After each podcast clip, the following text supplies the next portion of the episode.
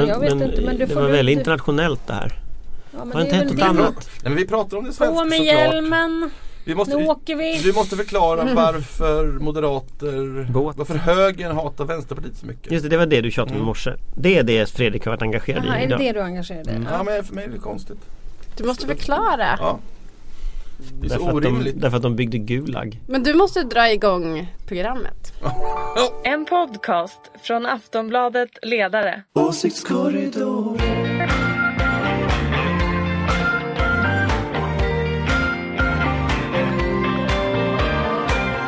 Välkomna till Åsiktskorridoren. Det här är Aftonbladet Ledarsidas podd som eh, läggs ut varje fredag, året runt nästan. Eh, Jag heter Fredrik Virtanen och är neutral eh, eller på gränsen till eh, borgerlig eftersom Ulrika Schenström är här Hej! och du är moderat och behöver stöd mot Anders Lindberg sosse och Jonas Sima Jag sosse. vet och Hej, därför hej. är du Hej, hej. väldigt ofta centerpartist. Populärt numera, populärt. Och jag tänkte, jag har fått det har jag hört. Och vi kanske ska säga till nytillkomna tittare att ibland blir vi lite interna här. Jag jobbar då varje lördag skriver jag på Aftonbladets ledarsida. Eh, så att ni vet det. Som centerpartist. Nej, Tittare! inte som centerpartist. Det finns, Fredrik. de, det finns faktiskt Ja. de på Facebook som börjar tro att Ja, Fredrik Virtanen är centerpartist. Ja men det har jag trott länge. Så Och jag har så också bevis Och det. Ulrika Schenström då alltså hävdar är då inte sant. Aha! ja men Fake news. Ibland skojar vi här och klart, kommer man in och ny in i programmet så är det inte så lätt att veta, därför underströk jag detta. Vi ska även rätta, för förra veckan kallade jag eh, eh, DN-ledarskribenten Amanda Sokolniski för något annat och det var fel, jag ber om ursäkt. Det är fortfarande ett väldigt coolt namn hon har bytt, hon hette Björkman förut, nu heter hon Sokolniski. Coolt. Mm, så förlåt Amanda för detta. Eh, Jag träffade henne när hon var nygift och hade löshår i håret. Ja, dagen efter bröllopet. Man vill ju veta vad det här namnet kommer ifrån för det är väldigt, väldigt coolt. Polen. Ja, det är polskt. Ja, Ja, det hade varit min gissning men jag ställde den frågan också. okej. Då så, ska vi prata, vad ska vi börja med? Hultqvist, Peter Hultqvist, har vi info om Hultqvist vad han har gjort i veckan? Nej men det är mycket försvarsberedningen nu. Mm. Han är ju överallt och jag tänkte på när jag tittade på TV och på nyheterna igår tänkte jag undrar om han vet att han kallas Hulta Bulta. Intressant! Kan Vad inte, tror du det måste Anders? du kunna Kan- hitta vet, om... vet han om att han kallas Hulta Bulta? Det tror jag inte, jag har inte frågat honom faktiskt. Är det inte dags? Borde jag det? Ja det borde vi ju eh, säga åt honom, det är ju inget kul att man får inte, vi får inte, ja, man får inte bli ledsen och tro att någon, någon snackar strunt om honom. Nej det får han inte bli. Vi måste förklara att det finns mycket kärlek i Vi Hulta försökte byta ut Hulta Bulta mot någon annan och följa Jan och Björk, se hur det gick. Jan Björklund Men- höll jag på Men- att säga, på Men- norrländska. Men det stora som har hänt med, med Peter Hultqvist är väl att han har blivit överkörd om det här med Karlshamn av en eh, av Karlshamn, politikerna i Karlshamn. Jag skulle vilja citera en av politikerna i Karlshamn som heter Anders Engelsson från Miljöpartiet som motiverar beslutet att köra över regeringen och Försvarsmakten och Säkerhetspolisen och i stort sett alla andra. Han Oj, säger oj, så oj. här vi röstar ja till lagringen. Själva tramset om att det här skulle innebära ett spänt säkerhetsläge och att vi därmed inte kan använda en av Sveriges största hamnar med handel med Ryssland, vilket vi gör dagligen, är blaha blaha. Det är idioter som inte vet hur det går till i Karlshamn. Med denna Oj. motivering så körde alltså eh, Karlshamnspolitikerna över Peter Hultqvist. Oj vad det måste provocera en betongsosse som det Det kommer en miljömupp och säger dessa saker. Du, du, måste, du måste bli rasande Anders. Eh, jag vet faktiskt inte hur det går till i Karlshamn måste jag erkänna, så Exakt. på den punkten har han rätt. Ja men exakt, vi, Jag har vi, varit i Karlshamn. vi tar det här snabbt, jag har också varit i Karlshamn. Jag har också Ja. varit där. Jan har du varit i Karlshamn? Annars får du gå Jag har härifrån. ätit Karlshamnsglass, kommer Ja. den därifrån? Karlshamns punch. Eh, eh, jo men exakt, det här var lite förvånande för mig, för Gotland, nej tack! Men Karlshamn, äh, spelar ingen roll för det är i alla fall inga stockholmare och semester. Eller? Fick det här till? Ja, Jag kan det- förklara hur det gick ja, till. det här vill jag höra från men jag- Anders. Den här miljöpartisten körde över Peter Hultqvist. Lindberg. Ja, Men jag tycker inte heller, de är väl inget Ja, men det är- så är det. Så- strategiskt eh, mål som Gotland är, eller stra- strategisk plats som Som Gotland skulle kunna vara. Blekinge. Mhm. Alltså det Det är ligger ju ju en tarm det ligger en liten flygflottilj som heter Ronneby en bit därifrån och så ligger en liten hamn som heter Karlskrona en liten bit därifrån. Eh, som ju är två av nyckelområdena för svenskt försvar. Så att lite påverkar det väl ändå. Men sen det är klart det är skillnad på Gotland och, Mm. och, eh, och Karlshamn liksom strategiskt. Det, det, Gotland är en ö. Eh, så att det, är klart- att, att det, det är skillnad. Och det är också ett mindre avtal som var med Karlshamn än det som var med Slite hamn på Gotland som man sa nej till. Men sen den stora grejen är ju inte det utan den stora grejen är ju att eh, Karlshamnspolitikerna helt enkelt har då vägrat samarbeta och eh, de kör sitt eget race. Och som den svenska grundlagen är utformad så kan de göra det. Förhoppningsvis inte så länge till. Peter Hultqvist har lovat en översyn av lagen. Men, men den typen av så här globala miljöfrågor som vilken energi vi ska ha i Europa Säkerhetsfrågor i Östersjön, försvarspolitiska frågor som naturligtvis påverkar hela landet avgörs alltså av en bolagsstyrelse för Karlskrona eh, Förlåt mig, Karlshamns hamn. Ja men kommunalt självstyre i all ära, nog skulle Hultqvist kunna stoppa det här av säkerhetsskäl om man verkligen tyckte det var så Det allvarligt. måste han ju Jag tror, jag tror att det är en balans med, med hur mycket de vågar ta i från regeringen. För det är klart att en, man kollar på USA till exempel nu när Donald Trump hittar på massa konstiga migrationslagar och så, så säger domstolarna nej det får du inte göra och så gör han det i alla fall. Det är klart att Sverige funkar inte det är så. inget bra när du jämför Trump med Hulta Bulta här. Nej, alltså, men- det men, känns eh, inget bra faktiskt. Nej men alltså Var Sverige funkar inte så. Ja, det var lite mot Nej, det gjorde det inte, men- Nämnde ändå Hultqvist och Trump Men samma... man, man följer ändå. Men man följer ändå lagen här så att Jag tror faktiskt inte att regeringen riktigt kan bara köra över liksom. Du kan inte gärna skicka dit så här hemvärnet och ta över hamnen. Nej det kan vi, vilket du beklagar givetvis Anders. Det har vi förstått här efter några poddar. Men eh, okej vi går vidare va, för att det där Inte ens du tycker att det här är en så jätte jätteviktig fråga med Karlskrona Det heter Karlshamn Ja, jag, jag, jag Andra gången i Jag tycker att det är en ganska viktig fråga. Jag tycker inte den var lika viktig som Slite. Jag bråkade om Slite hejvilt. Eh, Det här känner jag Och att jag där inte vann bråkade du. Jag bråkar inte lika mycket om det här. Anders Precis, vann! jag, just jag. Nej men jag, det, jag tycker det är fel att man låter ryssarna ha den här, den här lagringen men, men Blev Merkel glad? Merkel blev glad, det här är ju ett projekt mellan vidare till, tyskar till och vi, ryssar. vi, vi ska prata om regeringsfrågan, det är, är intressant nu med eh, SD och M i sin brunblåa båt. Men först vill jag bara veta, till och med Dagens Nyheter som vi pratar om jämför liksom Vänsterpartiet som lika allvarliga som SD. Och jag förstår att det här är en vanlig åsikt bland borgare. För mig är den helt obegriplig. Och därför är, har vi ju dig här nu Ulrika som kan förklara detta. Jag tror att alla har lite olika bilder av det här. Det finns de som har bilderna som går tillbaka långt där man eh, tittar på kommunismen i Sovjetunionen och så vidare och, och var man har stått och vilka kontakter man har haft. Men framför allt om jag ska vara ärlig så, och, det, och det är kanske den mera allvarliga sidan av det hela men vi, har, vi ser ju framför oss just nu också ett pajkastningsspel eh, av hög rang. Eh, och det är klart att det är jättekul att försöka reta sossarna med Vänsterpartiet. Därför att det finns nästan ingenting en sosse hatar mer än en vänsterpartist och det är ju bara att gå tillbaka till historien. Så behöver nog inte alltid ta det så allvarligt om att det handlar om Vänsterpartiet idag utan det handlar om Vänsterpartiets historia som man faktiskt inte kan och då pratar vi inte om Vänsterpartiet idags historia utan, utan då absolut. det som har varit tidigare. Ja, men det begriper och jag ju. Och det är det man försöker komma till. Men det roliga är ju att varje gång som, som till exempel Socialdemokraterna har liksom försökt göra upp med vänstern och så vidare så har det inte gått bra. Va? Jag har ju bara tittat tillbaka på Mona Salins projekt att göra alliansen eh, fast, fast eh, med, med i ett Mona Salin-snitt med Vänsterpartiet. Det var ju där det började gå ut för. Så det handlar om att reta sossar mest för att börja Ja, men det är klart att det inte är kul för sossar som framförallt högersossar tycker inte Nej, är kul Anders att bli ihopkopplad med vänsterpartister. Det finns faktiskt och det kan man märka sådär när man är ensam med sossar att det är inte roligt Så det är att bara politiskt dra. spel det här alltså, det, finns, det är bara man säger Tyvärr saker som man vi, vet tyvärr man är inte vi tror faktiskt själv. inne i någonting som du vet att jag tycker är helt outhärdligt och det Mm. är på alla fronter. Det är lite för mycket politiskt spel. Vem ligger med vem, vem är ihop med vem och vem kan vara ihop med vem. Istället för vad då Anders?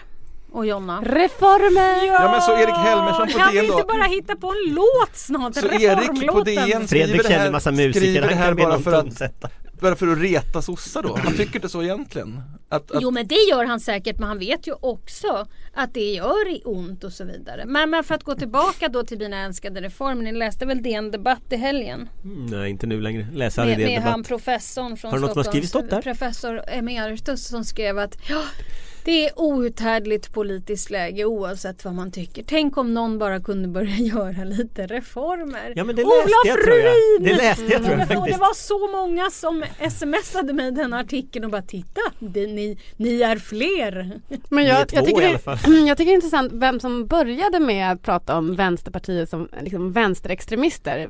Jag tror det var faktiskt var Jan Björklund för jag irriterade mig så oerhört när han sa det i någon, någon det partiledardebatt. fall. Ja. Och sen har det liksom fått eh, ringa på vattnet och nu har det blivit ganska effektivt vapen för att eh, normalisera SD faktiskt. Ja, det, men jag, för mig, Fast är, så är ja, det men så Liberalerna, effektivt? kanske mer än Moderaterna till och med, avskyr liksom Vänsterpartiet. Det, Men, men är det så Alltså, effektivt nej, alltså? till och med. DN Och det tror- tar ställning Det tror för jag det. mycket handlar om historien bakåt att man, har, att man, har, man, ska liksom titta på alla politiska tillstånd som är dåliga och komma ihåg.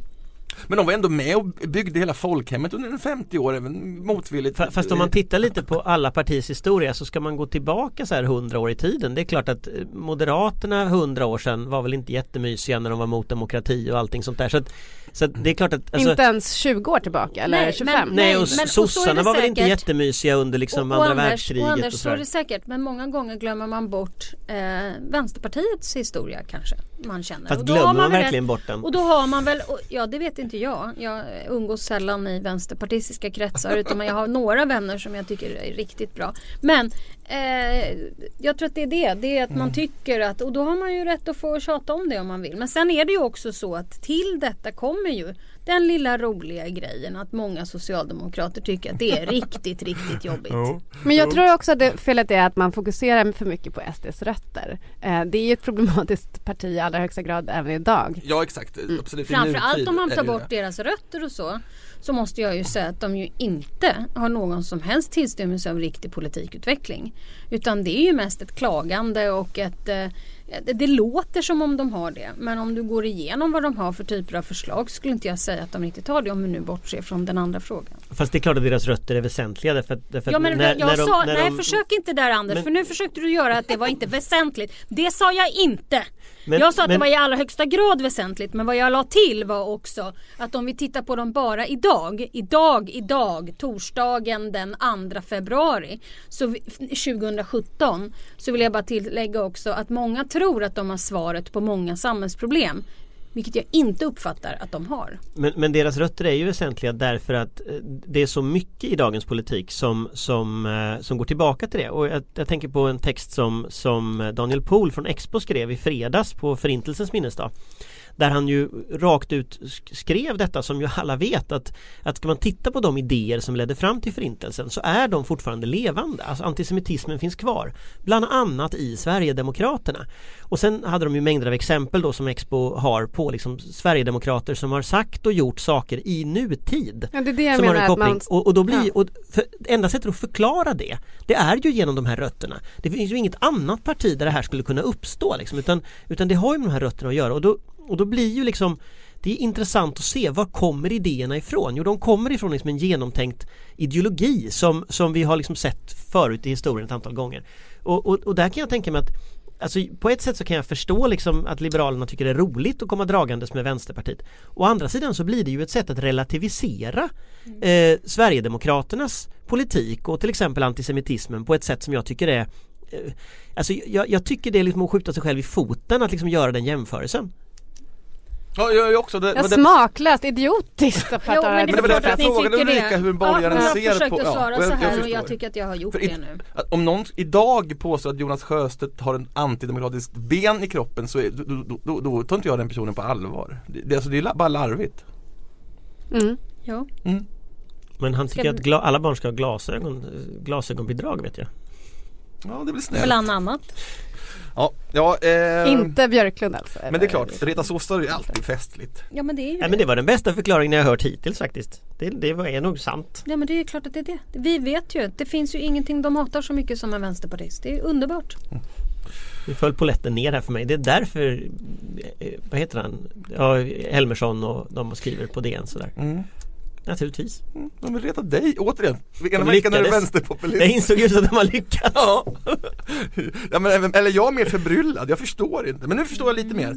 Eh, nåväl, ska vi, ja då ska vi prata om det som eh, hänger ihop med det här och det är ju, ja Regeringsfrågan är det väl kort sagt som står på spel. Moderaterna Den står alltid på spel. Ja. Jag vill eh, understryka Ja, det. Mm. okej. Men hur tänkte Anna Kinberg Batra när hon la alla ägg i Men korgen den har på vi nu SD? pratat om tre gånger och jag har svarat samma sak. Jag har ingen aning riktigt hur hon tänkte och jag vet inte hur det här kommer falla ut. Det jag däremot bekymrar mig över rent generellt är att eh, många sådana här typer av utspel, vad de än eh, grundas i, eh, tenderar att hamna i en taktiserande diskussion i politiken vilket gör att väldigt många människor blir trötta på politik oavsett var de skulle ha landat och i vilken fråga eller vilket parti de skulle ha landat. Och det gör mig väldigt olycklig som snart kommer att skaffa mig den här reformsången. För att jag, ja så tokig Men är det ett sätt att, eh, som många säger, att knuffa in Annie Lööf i ringen? Att hon inte har behövt ta ansvar för hur man ska bilda en regering utan hon har hela tiden Det tror jag jag sa första gången vi satt här för några veckor sedan. För vi satt ju här i realtid när allt det här hände. Den här torsdagen för Två, två, två, veckor. Två, ja precis, det är tredje. Det är bara två veckor sedan. Ja men det är två veckor sedan. Det känns väldigt mycket. Det känns länge sedan men det är tredje podden. Men i alla fall. Och då sa jag det, det kan, det kan ju vara en, en, eh, ett sätt att eh, få ut Centern och Liberalerna att, att eh, tycka att man vill. Man kanske har tjafsat om den här gemensamma budgeten i evigheter. I don't know. S- Samtidigt, alltså det, det som fascinerar mig lite om man tittar jämfört med för två veckor sedan de här centrifugala krafterna som har dragits igång inom borgerligheten nu.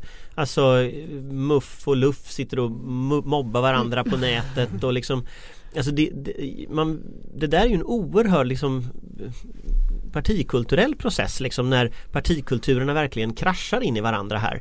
Eh, och det ser ju ut som liksom någon falangstrid i något parti eller någonting som liksom händer nu inom borgerligheten. Så jag tycker man kan fundera också på vart, vad, vad är botten i det där? Alltså hur långt kan det gå? Kan liksom alliansen officiellt splittras? Liksom? Alltså var, var på något sätt tar det här vägen? För det känns ju inte som att ledningarna i partierna har någon vidare koll det, på sina och det partier. oroar säkert väldigt många moderater också. Men framförallt så eh, kan jag ju oroa mig extra mycket som var med om den här resan 02 till 06.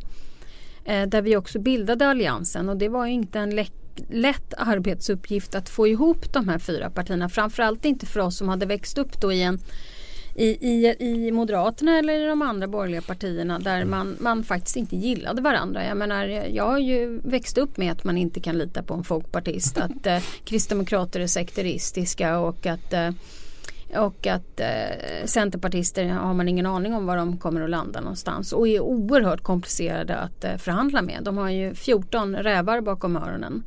Ska man veta. Jädrigt. Bondsluga. Ja, riktigt, riktigt sluga faktiskt. Det ska du komma ihåg. Eh, och det där var inte lätt att få ihop därför att det, det var ju en internt bråk under så oerhört många år. Och varje gång den här lilla parentesen i svensk inrikespolitiska historia då med en borgerlig regering eh, blev så, så skapades det fler kom, konflikter i och med att man, man kom in och började förhandla om politiken där och då. Och sen avgick några och sen var det liksom över på något sätt och så var ordningen återställd när Socialdemokraterna kom tillbaka. Kan man inte och har man inte den eh, historien bakom sig och i sig på något sätt i sitt DNA så tror jag att det är väldigt, väldigt enkelt att bara utmana saker trots att man inte riktigt vet vad det är för, grogr- vad det är för, för stabilitet det där har bidragit till på riktigt. Nej, men precis, men det är nu som händer Och det oroar mig väldigt mycket att just den här historien, att man inte har med sig liksom. Och det är oerhört svårt. Jag vet att det här låter oerhört pompöst men jag vet att det är sant. Kan man inte sin historia så är det svårt att förstå sin framtid. Och det är faktiskt på riktigt. Och det är, lite, det är ju en ny generation i Alliansen, det får man ju ändå säga.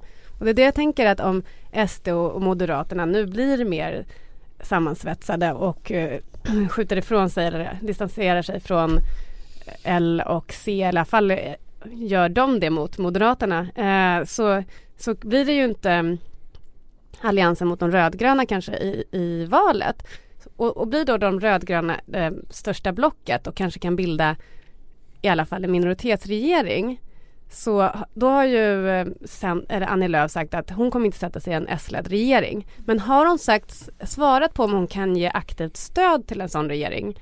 För hon kommer ju inte stötta som man förstår en, en regering där SD ingår på något vis.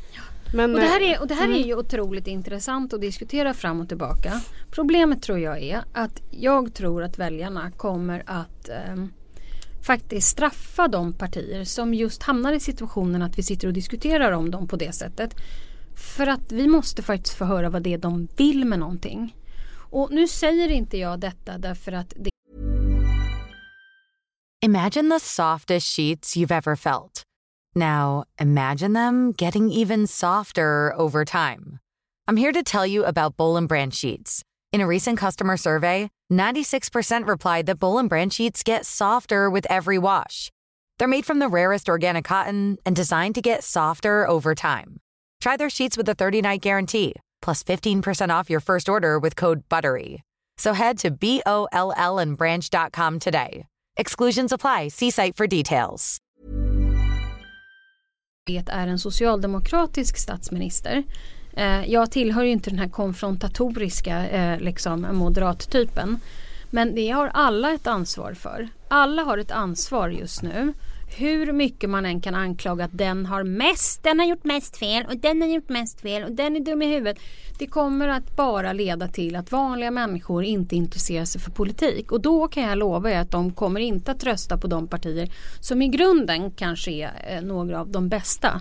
Utan jag, jag är rädd för att man börjar rösta väldigt konstigt eller kanske inte alltid över sin egen övertygelse. Fast, fast det är inte, frågan, är inte frågan också lite här när man tittar på att nu har vi ett och ett halvt år kvar tills väljarna ska börja fundera på det där. Nej, det är ett och ett halvt år tills de ska lägga eh, möjligen en röst i lådan. De borde börja fundera på det här till jul tycker jag, annars är det inte Men jag seriöst. tror att rätt få äh, äh, Absolut, alltså, tittar men de man kanske på börjar liksom en månad mängden innan. Osäkra men- knappt ett och ett Men om man halvt tittar på mängden osäkra väljare just nu i de mätningar som finns så är det ju liksom det är en jättestor andel som överhuvudtaget som liksom har checkat ut ur, ur diskussionen. Förstår jag. Och, och tittar vi på Skulle jag också ha gjort men om tittar jag vi inte var så på intresserad. men tittar vi på Brexit och tittar vi på Trump så vad som hände med de väljarna på slutet i de valrörelserna så var ju att en ganska stor grupp väljare som man kanske inte trodde skulle gått och röstat eh, som hade ganska grumliga värderingar på många, många demokratiska frågor faktiskt gick och röstade och gav sitt stöd till Brexit respektive Trump. Så att, så att frågan är också om, om, om det här stödet för SD, är hur, hur underskattat egentligen det är. Jag tror att det är oerhört underskattat och det har vi ju pratat om här eh, tidigare. Ganska många, jag tror att vi är ganska överens om att vi tror att det är så. Sen är det ju livsfarligt numera att kolla bara på siffror och, och opinionsmätningar. Så är det ju. Jag Eh, en Men jag är ganska övertygad om att i väldigt stor utsträckning tror jag att väldigt många som Eh, väldigt många i alla fall. Det finns naturligtvis väldigt eh, mycket andra typer av personer som röstar på SD men många gör det ju av mer jag vet inte vad jag ska göra. Jag står inte ut med att höra hur det här politiska etablissemanget pratar med varandra. Men kan vi prata lite om ses rävar bakom öronen? För jag, jag tyck, tänkte Ah, du länge är lite förtjust i det här partiet jag, alltså. Jag är det men jag, jag, jag tänkte att, att de hade fint läge nu Annie att få allmänborgerliga väljare som är mer progressiva, kanske de unga. Men då som ni säger, sen säger de plötsligt nej jag tänker inte sätta mig i en S-regering heller. Så varför då? Hon vill inte sitta med i en alliansregering med, med SD-stöd, de vill inte sitta i en annan. Så hon är, va- varför ska man då rösta på C i det läget? Det här tror jag är väldigt dumt av henne. Eller tänker hon att, då, ju- att hon ska bli det största borgerliga Ja, partiet? men jag tror ju att hon målet? står för någonting annat faktiskt. Och det är att jag tror att hon vågar stå kvar där hon är. Men hon föreslår också politik. Och det måste vi i och för sig även ge regeringen. Att man försöker ändå skriva lite debattartiklar. Och man gör ändå presskonferenser och tycker olika saker och sånt där. Och sen vet vi ju vad regerande handlar om. Det är att hantera sådana här Nord Stream-kriser hit och dit och det händer saker. Eh, men hon har ju inte fått sina väljare till sig på grund av att hon har taktiserat rätt. Hon har ju fått sina väljare på grund av att hon vill fokusera på innehållet. Ja okej men ändå om man nu vill fundera på vad man ska rösta på någon, om, man, om man är trött på Moderaterna till exempel. Och då, ja men Annie Lööf är bra. Skulle Men- jag gissa, skulle jag gissa, nej men det kan jag hålla med om. Visst, men varudeklarering, vi har inte alltid hållit på så mycket med det i det här landet. Men Så sen att är jag det väl menar- också det att och hon, den här hon är ju inte varudeklareringen känd för nu. så mycket annat än hon, hon är känd för miljöpolitiken och så är hon känd för, för Företag och flyktingpolitiken. företagarfrågor. Ka- Kanske i Eh, borgerligheten men om man ja tänker men på absolut liksom i borgerligheten i den- så är det i- många som går, i den allmänna går mot debatten. Centern på grund Absolut, av det. men i den allmänna debatten om man tittar på en- den här attraktionskraften som, som Centern har eh, och man, man har ju ett väldigt starkt stöd i miljöfrågor idag till exempel och det kan ju vara ett problem för, för Miljöpartiet eh, som är väldigt konkret liksom. men, men om man tittar på eh, partiet som sådant så tror jag att den stora flötet det är Annie Lööf som person. Att hennes personlighet börjar framstå som äkta. Ja, Vilket är men jättespännande hade jämfört med hon- historien, Men för hon- Anders, absolut. Men hade hon taktiserat bara och diskuterat fram och tillbaka vem hon inte skulle vara ihop med eller inte eller varför och sånt där. Hon står ju kvar i sitt alliansben. Hon blir ju liksom den tryggheten så. Men, Fast, fast när, det, när när det kommer in i väggen så finns ju inte det på riktigt. Utan antingen så måste hon ju stödja Stefan Löfven eller Anna Kinberg Precis, Batra. och där, Ja. vänta, vänta, Aftonbladet har gjort en, en såg eh, som visar då väldigt stor skillnad på vad alliansväljare vilka man tycker man ska stötta. Och då är det ju Centern och eh, Folkpartiets eller Liberalernas väljare vill ju absolut inte stötta en SD eh, stödd regering. Eh, så där kommer ju Annie Lööf tvingas ge svar på vem hon kan tänka sig att stötta i Ja, risken är att, man, att en borgare känner att en menings, ungefär som att en meningslös röst som då ändå inte kommer eh, bidra till någonting att rösta på Centern. Ungefär som Fi senaste valet. Det var ju liksom bortkastat som inte de kunde komma in överhuvudtaget. Fast Centern kommer nog in i riksdagen. Ja absolut, det begriper jag också. Men jaha, vi röstar på ett eh, parti som har 10% men de vill inte regera med någon. De ska bara vara en ensam en mäkt- monolit i mitten. Fast då är vi tillbaka i bara diskutera hela tiden eh, vem som ska göra upp med vem. Yes, Jag men kan, jag kan, jag vilja kan äta upp jag. med, ja men jag vet vem hon kommer helst vilja göra upp med. Och det är definitivt Stefan Löfven i så fall, det kan jag lova er. Juhu! Nej, det kan hon ju inte. Alltså det, Jo, det Det tror jag. Jo hellre än S, om det Förra om gången det Centerpartiet Hallå, gjorde upp med, med gjort S upp- fick de tre, fick de så här Jo, 2 men- procent i Men- mätningarna men, vad det var. Jo men Anders, världen ser inte ut som den gjorde på den tiden. Världen ser annorlunda ut. Då hade de någon som hette Lennart, var det inte det? Det här är Lennart. Det, Men- det gick ju bra. Men Ulrika, jag vet att du hatar mig när jag säger det här men därför fram, framstår eh, Gör du verkligen det? också. Ja men därför framstår Anna Kinberg Batras taktik så oerhört irrationell. Det är det här vi liksom vi, vi, vi har talat mellan raderna men det är det som vi vet att Annie Lööf kommer ju inte stötta en sån regering eh, med SD. Så där, varför gjorde, satte Anna Kinberg Batra den här kilen i alliansen? jag Jag kommer inte vet! svara något annat Men det är så vet besynnerligt. Men du är ju liksom Vi måste bjuda in Finn Bengtsson till den här podden. Ja, men Finn är inte heller nöjd. Fast, Nej men han är aldrig nöjd har vi Nej men Finn gillar ju inte SD så att han sa det lägg fram budgeten. men vem i tjatat om. Moderaterna gillar då SD som man kan bjuda hit? Tydligen väldigt många väljare som har lämnat Moderaterna. Mm, Jo men de kan vi inte bjuda hit för de vet ju inte vilka Ja de du är. menar någon sån? Ja men det kan vi fundera på. Det var väl 600 000 vi ska inte bjuda in någon hit. Här sitter vi och gissar SD. vilt om vem som gillar vad. Vi, vi, vi, det är inte till sist men vi måste snacka lite om Trump innan vi pratar om eh, Merkel och Löfven. alltså man tror inte det är sant. Nu är han även eh, Ovän med eh, Australien. Alla på luren i morse. ja. Svensk tid. Slängde på luren i örat. ja, vad var, vad. Moget. Jag- Sen la upp på Twitter att ska fan inte ha de här 1200 flyktingarna Ja. från eh, Exakt, vad var ämnet? För jag har inte hängt med så mycket. Vad, varför? Nej men tydligen så har Obama lovat att USA ska ta emot 1200 personer från Australien. Personer, flyktingar. Ja men Alltså. det var flyktingar, det var Ja. varför jag sa på, jag visste inte vad det var för, förlåt. Ja, nej, men, nej men det var väl det, det var väl en slags och överenskommelse. Inte rockmusiker från Perth utan alltså flyktingar från Precis. Ja, Thanks. men det är väl någon slags överenskommelse. Han, han eh, kände inte alls att det här var något han ville stå för så att han tyckte att det här var jävligt konstigt. Det är ju en ganska intressant folkrättslig idé att liksom avtal försvinner när man byter president. Det blir lite svårt att göra upp med länder då. Mycket svårt. Men eh, apropå reformer, är det här mycket målmedveten reformpolitik? Det är så här det ser ut i praktiken när- hos den starke mannen. Exekutiva beslut. Jag tycker att det här verkar helt galet. Jag menar, det, det är ju så galet så att man inte orkar längre. Och jag menar, det, det, det finns ju någonting som heter eh, liksom, utrikespolitiska protokoll. Alltså, man, kan, man kan ju faktiskt inte bara slänga luren i örat på en annat statsöverhuvud i ett annat demokratiskt land. Hallå! Fast, fast den förra grejen när han, när han twittrade om att, att, eh, att Mexikos eh, president inte skulle få komma på statsbesök om de inte gick med på att betala muren. Det var liksom, då, då, då, då ställde ju Mexikos president in besöket i USA. Då har liksom ändrat liksom ni- relationerna ni hör- mellan staterna via Twitter. Ni hör vad det låter som. Det låter ju som så här. Om inte du ger mig det här då blir det inget hus byggt. Men ni har väl Eller hur? alla, Det är liksom affärer han håller på med Mm. fast han inte fattar att det är länder. men ni har väl alla såklart läst, läst försten av Machiavelli och det beskrivs ju där väldigt tydligt hur man eh, som en ledare börjar med helt stenhårda beslut, tuffa, eh, direkt från början för att sen då mildra dem lite och då har liksom ribban lagt så högt att då accepterar man det här och tycker att åh han är god försten som ger oss tillbaka lite av det här.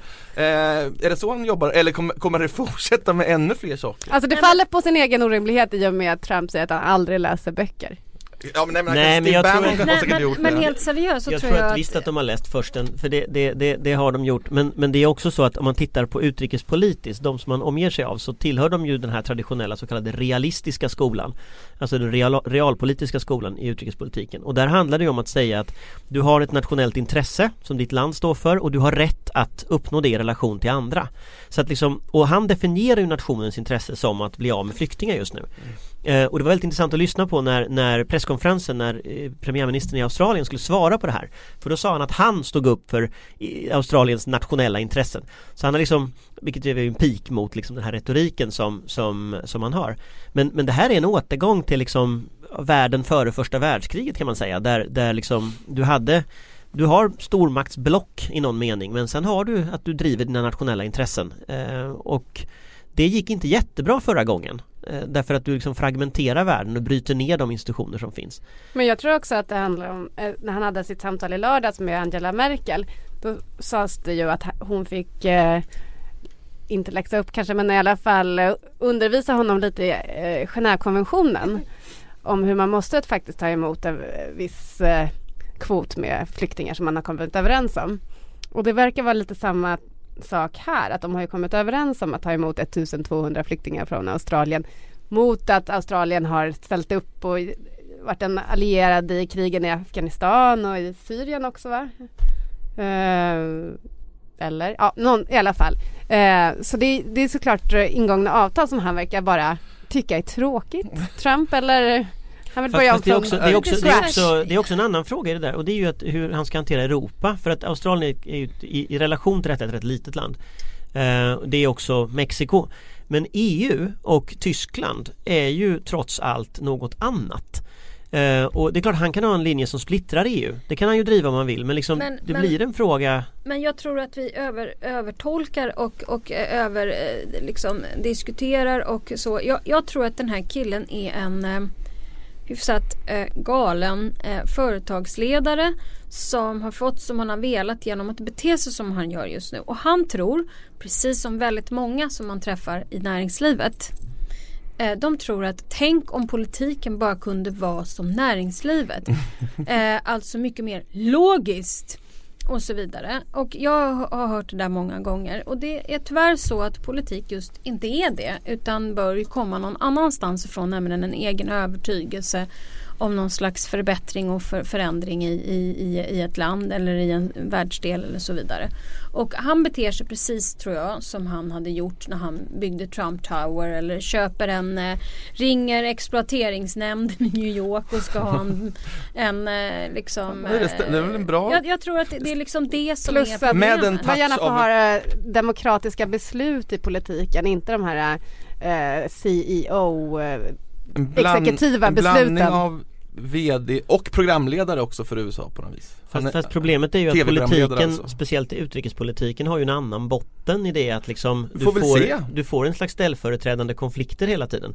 Så att visst, han kan kalla det handelskrig mot Kina men konsekvensen av det på en massa andra världsdelar är ju att när USAs intressen och Kinas intressen krockar då kommer det att bli krig. Eh, och det kommer att bli den här typen av ställföreträdande krig som vi såg under kalla kriget. Och det jag skulle säga att det är bara en tidsfråga innan innan han kommer att hitta så att säga, sitt heliga krig som han ska driva. Därför att det, den här typen av stormaktskonflikter som vi har sett historiskt har alltid slutat med det. Inget av detta har dock hindrat Dow Jones från att gå över 20 000 punkter tror jag. Nej.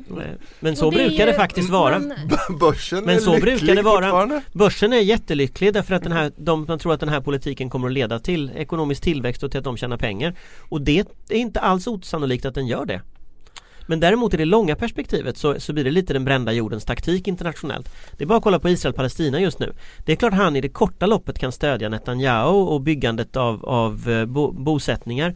Men det är också klart att på sikt så kommer det att starta centrifugala effekter i i Mellanöstern som kan bli enorma krig. Måste Så att liksom, Nu är han fast där, nu kan han vara fast hur länge som depp, helst. ja men jag, depp, det är precis alltså, men det, var, det är som invasionen av Irak, vi lever ju fortfarande med detta liksom, Ja, vi har inte ens nämnt den här markinvasionen han eh, sa, gav grönt ljus till i morse i Jemen. Den verkar ju ha gått åt Oj, vi, vi fortsätter åt vidare. nästa vecka. Vi ska bara runda av tycker jag med Merkel och Löfven. De ska rädda Europa tillsammans om jag förstått det här mötet rätt. Ehm, det låter väl skitbra. det är bra. Det är Heja, väl heja jätte, jätte, jättebra. Ja, men, eh, Kan någon annan än Moti göra det? Nej. men kan det bli så? som Jag tror Ingvar sa det här om dagen på eh, något, eh, vi, Ingvar Persson alltså. in- när du drack kaffe att det kanske är dags att börja läsa tyska igen. Att Tyskland är det nya ljuset i världen. USA är inte längre vår Men kulturella det- influens. Jawohl. Ja, demokratins fyrbåk. Ja, Mm. ja men man blir lite Men, men Sverige har ju till. Ja. traditionellt varit eh, tysk axel. oh ja. Eh, det, Men nej, men inte bara, inte bara på den tankar på Ja. den, den, den, det, det decenniet utan även om du tittar bakåt. Utan det här Mm. smörandet för Storbritannien har ju snarare varit den senaste tiden. Och det har ju för sig gynnat oss därför att vi inte är med i euron och vi har haft en liksom stark polare i form av Storbritannien som också varit utanför. I den tyska nu. bemärkelsen kommer det ju bli problematiskt eh, när vi är väldigt små, ganska ensamma. Ja men okej men den här Alltså vad kommer de fram till och är det här någonting som kan funka? Alltså det, det, det handlar om var ju innovationer och tillväxt och ekonomi och sånt. Mm. Jag tror ju att Tysklands eh, alltså, alltså den tyska politiken för att hålla ihop EU har ju alltid handlat om ekonomi. Att du väver ekonomierna samman och du tjänar pengar på det och framförallt Tyskland tjänar pengar på det. Men Sverige ligger ju väldigt nära Tyskland i liksom teknisk utveckling i alla de här områdena. Så att jag tror ju att om, om vi ska säga Storbritannien är ju, kommer ju inte vara med längre. Så vi måste ha en ny allierad och det är klart att då är ju Tyskland den, det, det som ligger närmast i hands. Det andra är Frankrike och det är ju liksom. Jag tror att vi har mindre gemensamt med liksom franska intressen och fr- framförallt fransk syn på Europa än, än med Tyskland. Men menar, det kommer att bli jätteproblem att Storbritannien lämnar EU för att det, det är ju liksom Det var ju våra närmsta allierade politiskt liksom när det gäller handelsfrågor, när det gäller jättemånga andra områden. Så att jag tror ju att vi är ganska djup problem Men faktiskt. samtidigt så har ju Tyskland gått om Norge som vår största exportnation. Så sådär. Så att det, och det verkar ju också personkemin mellan träbockarna som Lena Melin beskrev eh, Merkel och Löfven som. Den verkar ändå finnas. Eh, Ja, jag tycker trots att Merkel då är kristdemokrat. Tyskland är ett jävla trevligt land också. Alltså Tyskland, om man, Tyskland är ju som ett ganska stort Sverige på rätt många områden, så är det ju. Vet du vad Horace Men, Engdahl sa? men, men samtidigt, det finns ju en massa politiska frågor där vi skiljer oss och inte minst euron. Du Att skryter det- ju lite också att Sverige som är egentligen en helt kulturellt efterbliven nation jämfört med Tyskland. Fast Sverige, det är inte Sverige. Nu kanske vi kommer till fatt men Tyskland har en lång tradition av intellektuell och, och konst och världsherravälde. Fredrik, du vet ju att Horace Engdahl har sagt att Tyskland är ett, ett Sverige för vuxna. Ja, men exakt! Ja, men då, exakt vad jag menade lite grann. Men detta Horace Engdahl citat tycker jag vi säger tack va? Eh, Ja, jag skulle bara säga att Göran Persson har varit ute i veckan också. Han har varit ute? Ja men han har ju På liksom sagt det här nu att, att, att Trump kommer bli avsatt. Jag vill bara, Ja, jag vill bara, jag har ju, ni vet ju hur lycklig jag Alltså blir när han den, säger vår, något. vår, vår chef, politiska chefredaktör eh, Karin Pettersson hon twittrade från, eh, från Harvard såg jag igår att hela hennes flöde fylldes av liberala ledarskribenter som tog selfies med Göran Persson. Ja, Nu passar han alltså. från, Så från det känns- DN, eh, ja, från eh, DN-galan eller vad det hette. Eller och, något och, sånt där. Något sånt där. Och, och, och, då, och då känns det lite så här, ja okej nu nu kommer Göran tillbaka Kul att vi då pratar om DN nu två veckor i rad. Bör, bör de kanske komma in i matchen igen? DN? Ja. DN ledarsida, jag menar. Ja det kanske de gör alltså på sätt och vis. Det kanske är för att de skriver om oss ofta Ja det kanske det är, då får de dem. lite, lite mer reklam, det blir spin-off effekter och så. Fast, fast det är ju Fast nu pratade vi faktiskt om Göran. ja det är klart. Jag, jag tycker att det här börjar bli löjligt. Och vi glömmer vi bort- om Göran Ja, men det inte var ju, DN. han var ju på, han var ju Ja, vi Ja är det är ingen man var det på det är. Göran. Ja, Det är Göran. tut Fredrik. Ja, men jag är mycket förtjust Men vi glömmer bort Göran Perssons hoppfulla eh, citat eller att han eh, förutspår att Trump kommer att lämna innan mandatperioden är över. Det var ju precis det Det Ulrika var det jag sa. Eh, Men Var tack, det? tack för att du är med och Okej! spelar. det, krä- det, var, det förtjänade en repris. Ja absolut, men det intressanta är då att han menar då att de ko- kommer lacka ur kongress och senaten att när de inte, för man kommer visa sig så galen att de inte kunna, kommer bli Jag fortsätter det så återvalda. här så kommer han säkert få rätt. Mm. Men det är det som är Jag oroväckande. hoppas Göran får rätt. Jag Att riksrätt li- kan bara inträffa om eh, senaten och kongressen till två tredjedels majoritet tror jag är överens om att det ska ske. Så det är inte lätt att bli av Ja, med den här hans poäng mannen. var väl att Republikanerna skulle lacka Mm. Nej men det är det Ja. de han tror, alltså hans eget parti Ja, liksom, eh, som inte är helt jätteförtjusta i honom. Men det är kul att du, din kärlek till Göran Nej jag kände bara att det, det fick vara med. Persson. Ja. Tack. Eh, Göran. Ulrika Schenström sa detta, Anders Lindberg, Jonna Sima, jag heter Fredrik Virtanen och ni ska ha en trevlig helg allihopa. Ja, trevlig helg. Trevlig helg. Trevlig helg! Åsiktskorridoren